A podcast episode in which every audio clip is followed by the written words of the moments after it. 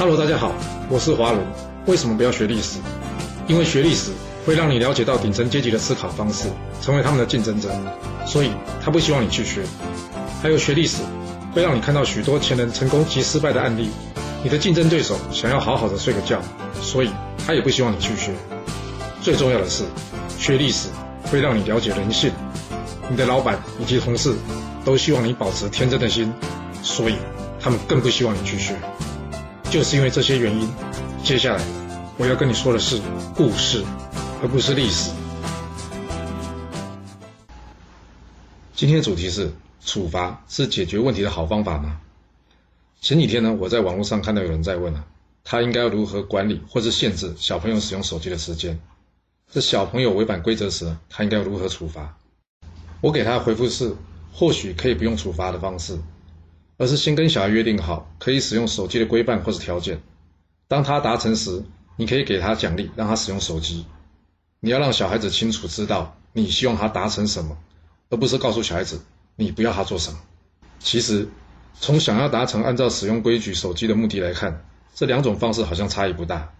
但实际上呢，惩罚可能会造成小孩子被动的心态，就是只要我不做什么，就可以有手机用了。久而久之，是不是会养成小朋友有了不做不错的观念呢？而使用奖励的方式则不一样了。你不是要他不做什么，而是要告诉他你做了什么，你才能有手机使用。这样可以让他知道，不管是权利还是物品，都是必须要靠自己努力才能得到的。当然，你可以视状况，两者并用。然而，这样的做法可能与一般的理解并不见得一样。毕竟生活中我们看到的总是一堆的限制与处罚规定。不相信了？那你可以看一下我们的法律啊，是规定奖励的多，还是规定处罚的多？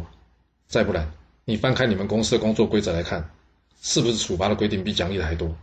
是不是很少会有规定你做对了什么会得到什么样的奖励？不是吗？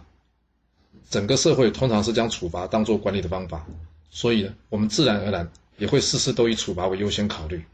不过，你觉得处罚就是最好的方法吗？让我们来讲春秋时节一个故事吧。这春秋时节晋国呢，有一次因为粮食欠收爆发饥荒啊，所以呢盗贼四起。为了解决这盗贼四起的问题啊，这时主管的长官呢找来了一位非常专业的抓贼大师。为什么说他是专业的？因为啊，他只要看一眼就能精准的判断对方是不是贼。那你想，有了这样的人帮忙，这贼是不是很快就可以抓光了？别想太多，要知道这盗贼的数量不是由盗贼来决定的。而是大环境决定的，你不解决大环境的问题，反而是去解决盗贼的问题，那是解决不完的。当时有一位大臣呢，叫做杨舍直，他跟主管的大臣说：“不要用这种大量捉捕盗贼的方式去处理啊。虽然这抓贼的人很专业啊，但就是因为他太专业了，会让这些贼害怕。而这些贼一旦害怕了，他们会做什么？他们不是放弃做贼啊，而是把这人做掉啊。但这主管长官呢，根本听不下他的建议啊。”没几天，这位抓贼大师果然被人给杀了。而这群盗贼呢，甚至把这抓贼大师人头啊丢到这长官家中，想说来给这长官一个下马威，搞得这长官呢最后气愤而死。那晋国盗贼问题后来有解决吗？有，晋国国君在杨舍子的建议下呢，重新任命一位在晋国非常有名，叫做四会的贤人。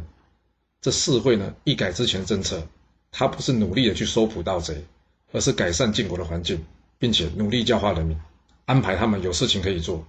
很快的，晋国盗贼的数量马上下降，重新又走上了国家富强的道路。说实话，有工作能做，谁会想去做贼啊？但这看似很简单的道理啊，却不容易想通。毕竟用处罚来解决问题，收到的效果通常比较快。我们从小就听到大禹的父亲鲧治理洪水的时候，采用的是围堵的方法，最后以失败告终。而禹呢，后来则是用疏导的方式才成功解决水患。处罚是不是就好像是围堵，告诉你这不行那不准？但总有一天洪水还是有可能会越过堤防啊。那至于会不会造成更大灾难就不知道了。而奖励沟通看起来是不是就跟疏导一样呢？先找到问题真正的根源，之后设法引导他往正确的方向前进，这样解决问题的方法是不是会更好呢？若您有其他的想法，也欢迎留言分享你的看法给大家哦。好啦，我们今天先说到这。